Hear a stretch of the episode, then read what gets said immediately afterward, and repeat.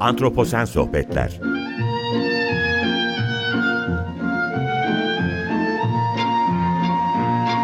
Hazırlayan ve sunan Utku Perktaş Merhaba, iyi akşamlar. Antroposen Sohbetlere hoş geldiniz. Ben Utku Perktaş. Bu hafta biyoçeşitlilik kayboldukça biz de tükeniyoruz başlığıyla e, özellikle biyoçeşitlilik krizine bir kez daha değinip iklim kriziyle bunu birleştirmeye çalışacağım. E, bugünkü programa bir alıntıyla başlamak istiyorum. Üzerinde yaşadığımız gezegen şimdiye kadar bildiğimiz tek yaşayan gezegen. Bundan en iyi şekilde yararlanmak için koruyalım diyor Edward Wilson. Ve biyoçeşitlilik yani dünyadaki yaşam biçimlerinin çeşitliliğindeki kayıplar hayatımız için ne kadar kötü sorusunda devamında getiriyor. Bugün yaşadığımız gezegende insanın yarattığı sorunlar şüphesiz küresel boyutta ve her geçen gün artıyor. Artarak da devam ediyor. Bu konuda üç maymunda oynar gibiyiz bizler. Ne görüyoruz, ne duyuyoruz, ne de yeterli ölçüde konuşuyoruz. Sulama için çok fazla su kullanıyoruz. Soya fasulyesi ve yağ palmiyesi için çok fazla yağmur ormanı tahrip ediyoruz. Atmosfere aşırı ölçüde karbon salıyoruz ki bunun altını çiziyorum ki bu iklim kriziyle alakalı bir durum esasında. Bunların etkileri de birleşince karşımıza çıkan sorun biyoçeşitlik krizi oluyor. Ama bu etkilerden birine dikkate alacak olursak özellikle bir tanesine örneğin karbon salınımı ya da çevredeki fazla az, azot yükünden e, başlayarak devam etse karşımıza iklim krizi çıkıyor ve biyoçeşitlilik krizini olumsuz anlamda da iklim krizi imelendiriyor. İşte tam bu noktada iklim değişimini bugün e, Ömer Madra ile e, konuşacağım. Ömer Bey merhaba, e, ne iyi ettiniz ve davetimi kabul ettiniz. Çok çok teşekkür ediyorum. Nasılsınız? Merhaba, çok teşekkürler. Ben asıl gurur duydum ve çok mutluluk duyuyorum burada konuk olmaktan. Eksik olmayın. E, çok çok sağ olun. Gerçekten ben çok heyecanlıyım bugün. E, sorularıma geçeceğim ama sorularıma geçmeden önce dilerseniz e, sizle de konuştuğumuz gibi Greta Thunberg'in bu e, For Nature filminden, belgeselinden bahsederek başlayabilir miyiz? Ee, evet yani bence bütün meseleyi e, olanca keskin dikkatiyle e, İsveçli iklim aktivisti genç önce çocuktu şimdi genç kız oldu artık. Evet. Bir Tom Mustel'in ya da Mustel nasıl okunuyor tam bilmiyorum yönetiminde beş buçuk dakikayı aşmayan bir kısa film yaptı For Nature için. Açık Radyo sitesinde de e, görmek ve çevirisini de altından evet. okumak mümkün. E, orada e, bence bütün meseleyi e, çok her zamanki keskinliğiyle, laser keskinliğindeki bakışıyla anlatıyor. Onun için de onunla başlamak iyi bir fikir olabilir. Yani e, anlatmak istediğim bir şey var diyor. Doğayla ilişkimiz kopmuş durumda. Ama evet. bu muazzam bir umutsuzluğa yol aç, açabilir tabii ama ilişkiler değişebilir diyor ve iklim krizinin, ekolojik krizin ve sağlık krizinin yani pandeminin evet. hepsinin birbiriyle bağlantılı olduğunu ve biz artık bunların ipin ucunu kaçırdığımızı söylüyor. Yani bunların arasındaki bağlantıları görmüyoruz ve ne yapacağız peki diyor. Bu noktaları birleştirmek istiyorum ben diyor. Çünkü kabul etmemiz gerekir ki değişmezsek ayvayı yemişiz demektir. Her şey biter diyor ve değişecek. İşte önce sağlık konusuna alıyor. 5-6 konuyu ele alıyor. Ee, evet. Ve sağlık konusu birincisi e, işte Covid-19 yüzünden milyonlarca insanın öldüğünü söylüyor. Hayatını kaybettiğini, başka hastalıklar nedeniyle başka milyonların ve yeni hastalıkların neredeyse yüzde yetmiş beşinin diğer hayvanlardan geçtiğini yani dolayısıyla bu çiftçilik, tarım endüstrisi ve doğaya muamele tarzımız, ormanları kesmemiz ve doğal ortamları tahrip etmemiz nedeniyle hem hastalıkların bir hayvandan diğerine hem de bize bulaşması için mükemmel koşulları yarattığımızı söylüyor. Ve bir sonraki salgın çok çok daha kötü olabilir. Covid'den bile kötü olabilir diyor. Bir, tamamen bilimsel referanslarla söylüyor. İkincisi gıda meselesi. Yani bu son derece önemli bir şey. Senin de programlarında evet, evet, bir şey. Evet. Dünyadaki tarım arazilerinin yüzde 83'ünün hayvan besiciliği için kullanılmakta olduğu bu muazzam bir şey. Oysa yani kalori alımımızın yalnızca yüzde 18'ini sağlıyor diyor.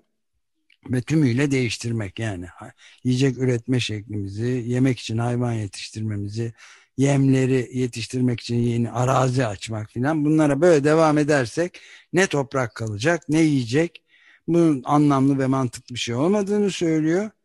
Yani Kuzey ve Güney Amerika'nın toplamı büyüklüğünde bir alanda et ve süt ürünleri üretimi için gerekli arazi buna da imkan yok yetişilemez diyor yani. Elbette yani doğru.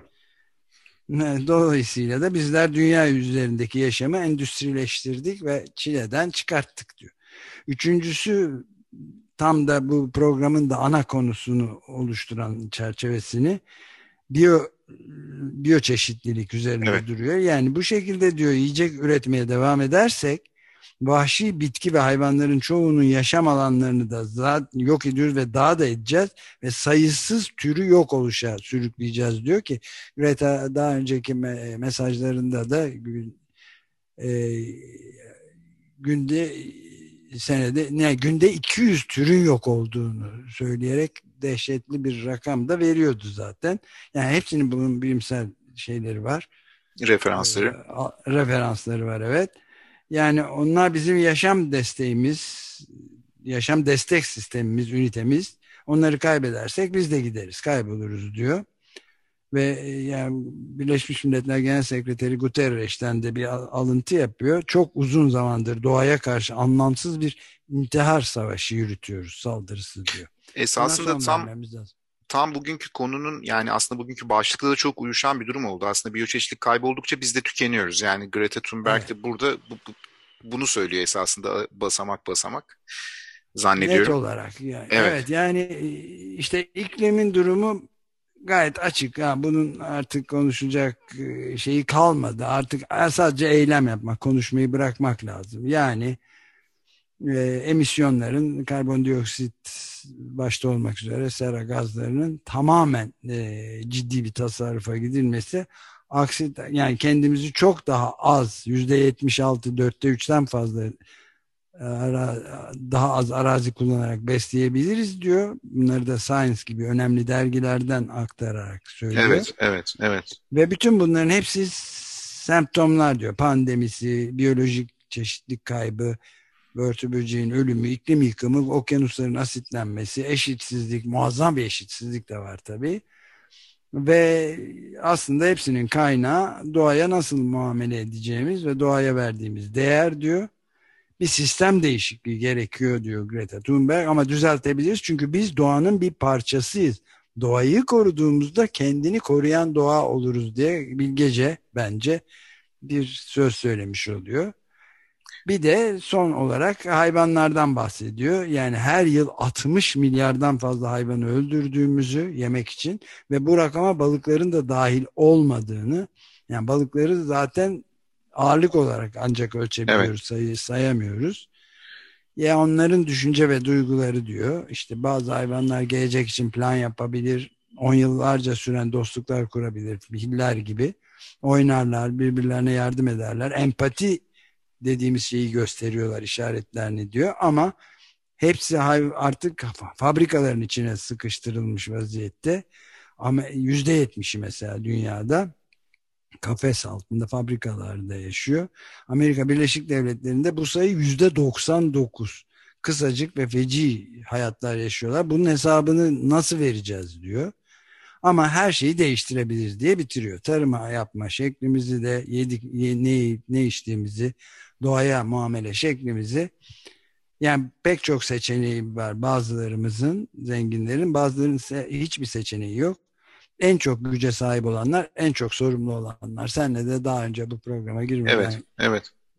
yaptığımız gibi işte yani çok büyük bir kesimi dünyanın e, yüzde e, yani 100 tane şirket sadece e, bütün şeyi götürüyor. Amansız kar ihtirasıyla e, siyasi sistemleri de ele geçirip satın alanda diyebiliriz buna. Çok uluslu şirketler sağlığımıza, hayatlarımıza ve gezegenimize ölümcül bir tehlike içeren merkezi bir unsur olarak çökmüş durumdalar. Yani geze, eğer bu sistemin en temel öğelerini sor, sorgulamazsak gezegenimiz mahvolmaya devam eder diye. Geri dönüşümsüz mahvol, mahvediyoruz bir de. Yani geri dönüş de zor olacak Ve zaman da bizden yana değil. Tabii o kesinlikle. Bu noktada yani şimdi... oradan çok Söyle özür dilerim. Bu, yo yo siz buyurun siz devam edin. Çok özür dilerim. Ben bu noktada bir devreye girecektim ama siz bitirmediniz sözünüzü. E yok aslında bu noktada tam işte bu atlatma haberden bahsetmek gerekiyor. Müthiş bir rapor çıktı. Hı. Yani yeryüzünün en büyük e, bilimsel heyeti IPCC diye kısaltılmış adı olan. Evet, evet. Hükümetler Arası İklim Değişikliği Paneli diye gelmiş geçmiş en çok sayıda 40 küsur ülkeden gelen en seçkin bilimciler, kimyacılar, gökbilimciler, fizikçiler net bir rapor hazırladı. Sandığımızdan çok daha fazla e, az zamanımız kalmış olduğunu ve en kötüsünün daha gelmek üzere olduğunu söylüyorlar. Bunu Ajans France Press'ten e, AFP'den bazı gazeteciler belki de benim kanaatim e, kasten dünyayı uyarabilmek için erken bu çünkü gelecek yıl yayınlanacak olan bir şeyin ta, taslağıydı ama evet. 4000 sayfalık filan ve insanlığın artık e, bu doğaya e, yol göstericiliğin filan tamamen bir hayal olduğunu ortaya koyuyor ve bir eko uyanış şart olduğunu e, adeta açıkça söylüyor ve şöyle bir cümlesi var yani bu cümleyi okuduktan sonra zaten başka bir şeye de gerek yok. Ee, senin de sor, demin sözünü ettiğin sorun, sorunsala tam bir atıf var. Yani e, yeryüzündeki hayat e, böyle çok keskin bir iklim değişikliğinden bir evet. şekilde kendini kurtarıp dönüştürebilir. Yeni türler, canlı türleri ve yeni ekosistemler yaratabilir. Ama insanlar hayır diyor. Bu çok çok önemli bir şey. Ve yani bugün e, doğmuş olan bir çocuğun 30 e, yaşına gelmeden önce öylesine büyük iklim değişikliği etkileri olacağını ve hızlanacağını söylüyor ki bütün bu işte türlerin yok oluşu, biyolojik çeşitliliğin gidişi, daha fazla yaygın hastalıklar yaşanamayacak. insan bedeni için ve birçok canlının bedeni için yaşanamayacak sıcaklıklar. Daha bugün Sibirya'dan bahsediyorduk daha dün yani hafta sonunda evet. Cuma günkü açık gazetede ekosistem çöküşleri ve bir de yükselen e, denizler deniz seviyeleri yüzünden de bütün şehirlerin liman şehirlerinin ki onlar medeniyetin insan medeniyetinin en önemli odakları arasında geçiyor. Onların da sular altında kalacağını evet, ya da bütün altyapı sistemlerinin mahvolacağını söylüyorlar. Fakat medyada yer almıyor bu mesela. Evet, evet çok haklısınız. Ee, çok önemli bir bilgi ama doğru yer almıyor. Yeterince yer vermiyoruz. Şimdi bu noktada bir şey soracağım. Küresel iklim krizi nedeniyle insanlığı bekleyen tehlikelerden biri çok iyi biliyoruz. Hani biyoçeşitlilik kayıpları hani bahsediyoruz hep bu programda evet. da. Şimdi mesela mevcut sıcaklık artışıyla e, yine bildiğimiz, elde ettiğimiz bilgilerden e, şu çıkıyor. Böcek çeşitliliğinde e, böcekler dünyadaki en fazla tür sayısıyla temsil edilen canlı grubu. Böcek çeşitliliğinde yüzde 40 azalma olduğu söyleniyor. Yani bu noktada evet. mesela 5 derecelik, 5 derecelik bir artışla e, başımıza ne gelebilir ya da e, bu noktada bir es, asıl bizim gelecek sorunumuz iklim krizi mi diye size bir sormak istiyorum. Yani e, tam bu özeti yaptıktan sonra, bu girişi yaptıktan sonra. Evet, bu tam aslında işte şey bileşik kriz aslında. Yani hepsinin birbirine bağlı olduğu Greta Thunberg'in de gayet iyi bir şekilde ifade ettiği gibi bütün tümü birbirine bağlı. Biyoçeşitlik bu demek zaten yani aslında. Ve e, yani e, şeyi söylediğimiz zaman evet. nasıl söyleyeceğimi bilemiyorum ama yani e, hayvana böcek çeşitliliği mesela insanların normal olarak tuhaf bir yanlış şeyi var. Böcekler işte tiksinti vericidir, pistir vesaire. Şimdi bu anlayış olağanüstü yanlışlıkta bir şey. Çünkü mesela e, yeni bir araştırma The Conversation dergisinde e, fazla açık gazetede konuşma fırsatım olamadı ama bu fırsattan bir istifade bir iki kelime tabii, söyleyeyim tabii, tabii, çok programında. E, Tancredi Caruso diye e, bir profesör e, İrlanda Dublin Üniversitesi University College Dublin'den ve biyoloji ve çevre bilimleri profesörü kendisi fakültesinden. Evet. Bir de Sheena Cotter diye de önemli bir Lincoln Üniversitesi'nden ekoloji ve evrim araştırmacısıyla birlikte bir şey kaleme alıyor ve diyor ki yani ben toprağı incelerim diyor. Pek çok insan biyologlar da dahil e, toprağı bir ölüm yeri olarak görürler diyor. Yani ölmüş bitkiler, hayvanlar ve sonunda dekompoze olurlar onlar, çürürler, parçalara ayrılır ve bundan sonra bir dönüşüm başlar. Bense bambaşka bir açıdan bakıyorum diyor. Yani çok ince ve gezegenin e, derisi, teni e, nefes alma alanıdır. Sayısız birbirinden farklı olağanüstü gö göze görünmeyen hayat biçimleriyle e, özellikle de börtü böcekle dolu bir şey ve bunu ölümden hayata dönüştürecek bir reform sağlar diyor. Yani leş böcekleri diyor ve toprak aynı şekilde onlar bir e, yaşayan dünyayla ölü dünya arasındaki arayüzü oluştururlar diyor. Çok güzel. Ve yani müthiş bir araştırma var. Çok ayrıntılı bir şey. 22 Haziran tarihinde Conversation'da çıktı.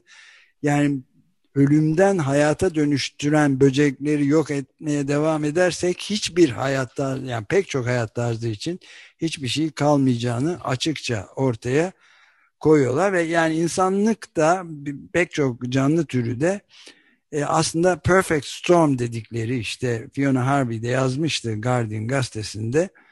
E, bir krizlerin birlikte e, yani iklim aşırı hava durumları ki mesela daha gözlerime inanamadım son cuma günü yayından çıktıktan sonra fark ettiğim evet, bir şey evet. Çekya'da bir şey olmuş mesela hortum olmuş hakikaten inanamamışlar Çekya'da yaşayanlar da. Bütün binaları yok etmiş. Yani hiç olmayan şeyler böyle. Rekorlar kırılıyor. Uçları yaşıyoruz.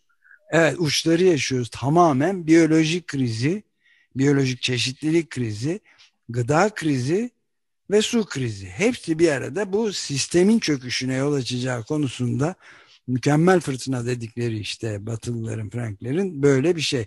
Öte yandan tabii bu en büyük biyolojik çeşitliliğe mesela sahne olan iki büyük alan var. Yani Amazon, Brezilya daki öncelikle ama bütün Orta Amerika'da da yaygın olan Amazon yağmur ormanları ki muazzam bir çeşitlilik var. O hızla yok ediliyor.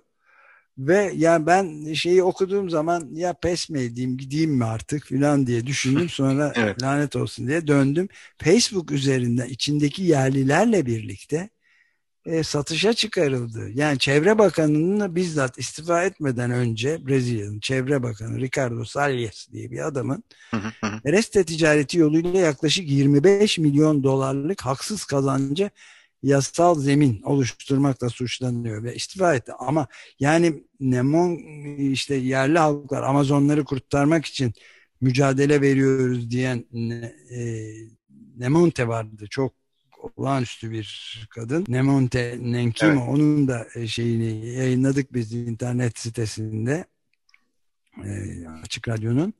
Yani medeniyetimiz yeryüzünde yaşamı öldürüyor diyor. Yani biz yerli halklar Amazonları kurtarabilmek için mücadele veriyoruz ama siz ona saygı göstermediğiniz için bütün gezegenin başı belada diyor. Yani medeniyetinizle üstümüze çöktünüz ve işte bakın ne hale geldik diyor. Sözünü de pek sakınmıyor.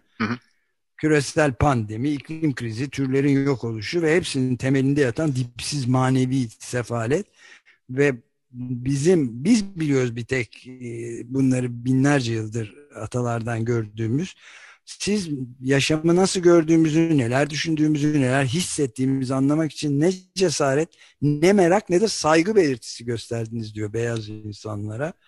Beyaz adama diyebiliriz. Yani e, ihtiyaç duyduğumuz her şeyi bize verdi bu orman diyor. Suyu, tertemiz havayı, gıdamızı, barınağımızı, ilacımızı, mutluluğu ve belki de en önemlilerinden biri olan anlamı diyor. Ve siz şimdi gelip bunların hepsini elimizden alıyorsunuz. Üstelik sadece bizden değil, gezegen üstündeki herkesten hatta gelecek nesillerden de çalıyorsunuz diyor ki müthiş önemli bir şey. Anlıyorum. Ama ya, bütün evet. bu, yani bu, o zaman bugün yaşadığımız yani iklim değişimi esasında belli ölçüde bir kriz de değil yani bir yıkım gibi bir durum aslında e, değerlendirebilir mi? Böyle bir yıkım diyebilir miyiz? Kesinlikle yani kıyamet tellallığı yapmak niyetinde değilim ama benim bütün söylediklerim yaptığım alıntıların filan tümü dünyanın en saygın bilim insanlarından tabii, bir de tabii, onları tabii. takip eden e, aktivistlerden geliyor. E, zaten yani bir tane altıncı yok oluşun içindeyiz diye herkes bunu belirtiyor. Yani insan Kesinlikle. eliyle gelen ve e, bugüne kadarki o 500 milyon yıllık tarihimizdeki yaşadığımız gezegenin tarihindeki yok oluşların hızıyla karşılaştırıldığında çok hızlı bir yok oluş sürecinin içindeyiz diyorlar ve insan eliyle gerçekleştirilen bir yok oluş. Aynen öyle ve yani insan dediğimizde bir avuç şirket işte aslında bunları Tabii. da biliyoruz ve onların satın aldıkları politikacılar bir de medya en benim son derece altını çizerek durmak istediğim şey medyayı da satın milyarderler medyası olduğu için George Monbiot'un ifadesiyle e bunlar konuşulmuyor, bilinmiyor. Tersine ya, yoktur iklim, ne iklim krizi falan diye herkes yalan söylerken. Şimdi ikinci en büyük iklim e, biyolojik çeşitlilik gene konu içine dönecek Evet, evet, olursam evet. programın e, Amazonların yanı sıra onun kadar hayatın merkezi olan bir de tabii e, Amazonların yanı sıra e, Great Barrier Reef dedikleri Avustralya'daki e, büyük mercan Resifler, kayalıkları mı evet. ona? Resifleri Evet, diyebiliriz. resifi. Evet. Şimdi orada da mesela bir takım o UNESCO son anda bir artık şey yapmaya tehlikede e, diye bir şey tehlikeli sınıfına sokacak olmuş. Birçok ülkede Avustralya kesinlikle reddediyor zaten turiste açmak için öldüğünü de kabul etmiyor. Avustralya'nın korkunç bir politikası var. Başında da işte Morrison. Evet. Avustralya ve 11 ü- ülke de UNESCO'ya olmaz yanlış karar veriyorsunuz diyorlar ve aralarında da Türkiye var. İnanılması güç olan. Şimdi mercan resifi üzerine bir e, sinema şeyi verebilir miyim? Tabii Bir- tabii tabii. Ne demek? Lütfen. Jeff Orlovsky'nin Mercan Peşinde Chasing Coral diye 2017 tarihli bir filmi var. Yani gerçek bir mikrokozmos işte burada konuştuğumuz her şey orada var. Yani yeryüzünün en büyük organizması uzaydan bile görülen canlı organizma ve benzersiz boyutta biyolojik çeşitliliği içeriyor. Ve biz bu ne demek? Hayatın ta kendisi demek. Mercan resifleri. E, Yani 15, e, film çekildiğinde çeyrek yüzyıl diyordu. Şimdi daha da az kaldı. Evet. 4 yıl önce. Yani 15-20 yılımız kaldı. Tüm okyanus ekosisteminin çöküşüne denk e, tanık olacağımızı anlatıyorlar. Anlatanlar da bilimciler, amatör meraklar, doğa ve deniz severler. Ve filmde şöyle bir diyalog var. Genç mercan meraklısı dalgıç Zack ki Hı hı. filmin başrol oyuncularından biri bütün hayatını etkilemiş, onun gurusu olmuş mercan bilimci Profesör John Veron'la Evet, evet. Herkes Charlie Veron diyor. Yani müthiş bir film aslında. Birkaç defa seyrettim. Yani hayatın kaynağının ta kendisi olan o mucize mercanları 45 senedir inceliyor o tarihte e, Veron. 14 kitabı ve monografisi var. Yüzün üzerinde makale yazmış itibarlı bilim dergilerinde. Denizlerdeki mercan türlerinin yüzde yirmisini, beşte birini kendisi keşfetmiş, bulmuş. 7000 küsur dalış yapmış biri. Dünyanın belki de en büyük mercan otoritesi işte. Mercanların vaftiz baba- babası deniyor.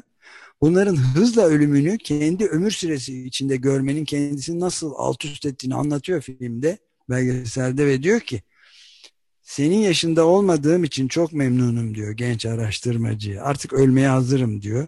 Evet. Çünkü büyük mercan resifine hayatımı vermek benim için en önemli şeydi. Ama bundan sonra müthiş bir cümle söylüyor.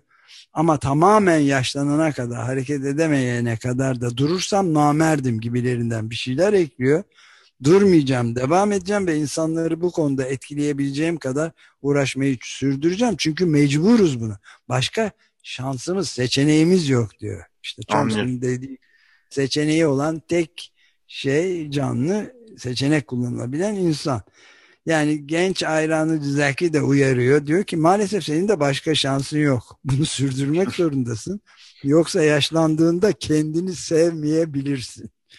Uğraşmayı Anladım. sonuna kadar an, an, anlıyorum, anlıyorum. Ya şimdi tam böyle programın sonuna geliyoruz. Bir iki dakikamız evet. kaldı Ömer Bey. Ben bir size hızlıca şeyi soracağım. Bir öncelikle Climatic Change dergisinde geçtiğimiz yıllarda yayınlanan bir makale vardı. Orada da biraz önce sizin söylediğiniz gibi yani asıl bu iklim değişimini, küresel ısınmayı tetikleyen e, faktörlerin aslında dünyadaki 90 tane şirket olduğu sıralanmıştı evet. ve bunların özellikle 1880'den 2010'a kadar sanayi tarihi boyunca küresel sıcaklık artışının yaklaşık %42 ila 50'sinden ve küresel deniz seviyesi artışının %26 ila 32'sinden sorumlu olduğu söyleniyordu. Bu ilginç bir bilgiydi. Hani ben bunu ek olarak siz altını çizince de o da söyleyince de söylemek istedim. Şimdi bu noktada bizim acaba iklim değişimi ya da son olarak tam böyle bir dakikamız falan kaldı. İklim değişimi ya da iklim krizine bireyler olarak nasıl yaklaşmalıyız?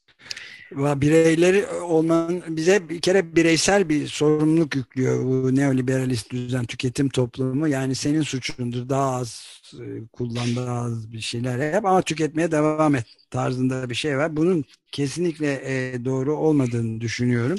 Anlıyorum. Yani Greta Thunberg ve arkadaşlarının Extinction, Extinction Rebellion'da ilk büyük grevde Fridays for Future'ın Dublin'de e, şeyde Glasgow'da e, Cuma günü yapıldı geçen Cuma e, ve biz gene e, geçen e, Cuma'da Valide Bağ savunması gönüllüsü Remzi Çelik'le konuştuk. Valide Bağ korusu direnişini ve yürütme evet. durdurmalarını ve orada dedik ki Remzi Çelik hukuk mücadelesi tabii bir yandan devam edecek. Ama onun gerçekleşmesi kamuoyu oluşması için de oradaki direnişin, mücadelenin çok önemli olduğunu ve esas bunun üzerinden yürümemiz gerektiğini vurgulamak gerekir dedi. Ben buna tamamen katılıyorum Remzi Bey'e de ve Greta'ya da. Bunu tek yolu başka seçeneğimiz yok diyor işte Charlie Veron gibi ve dünyanın bütün e, mercanlarını evet. başka seçeneğin yok mücadeleye devam diyebilirsin diyor. Bu şirketlerin durumu senin anlattığından daha bile kötü olduğunu söyleyen yeni bir araştırma da çıktı.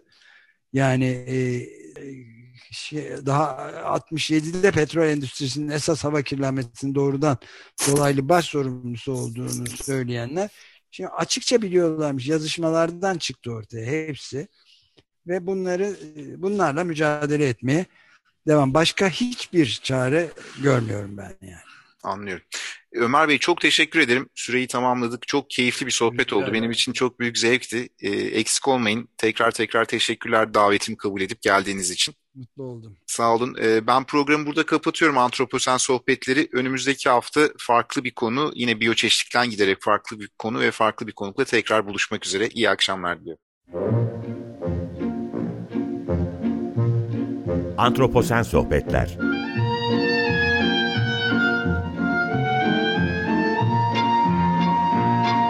Hazırlayan ve sunan Utku Perktaş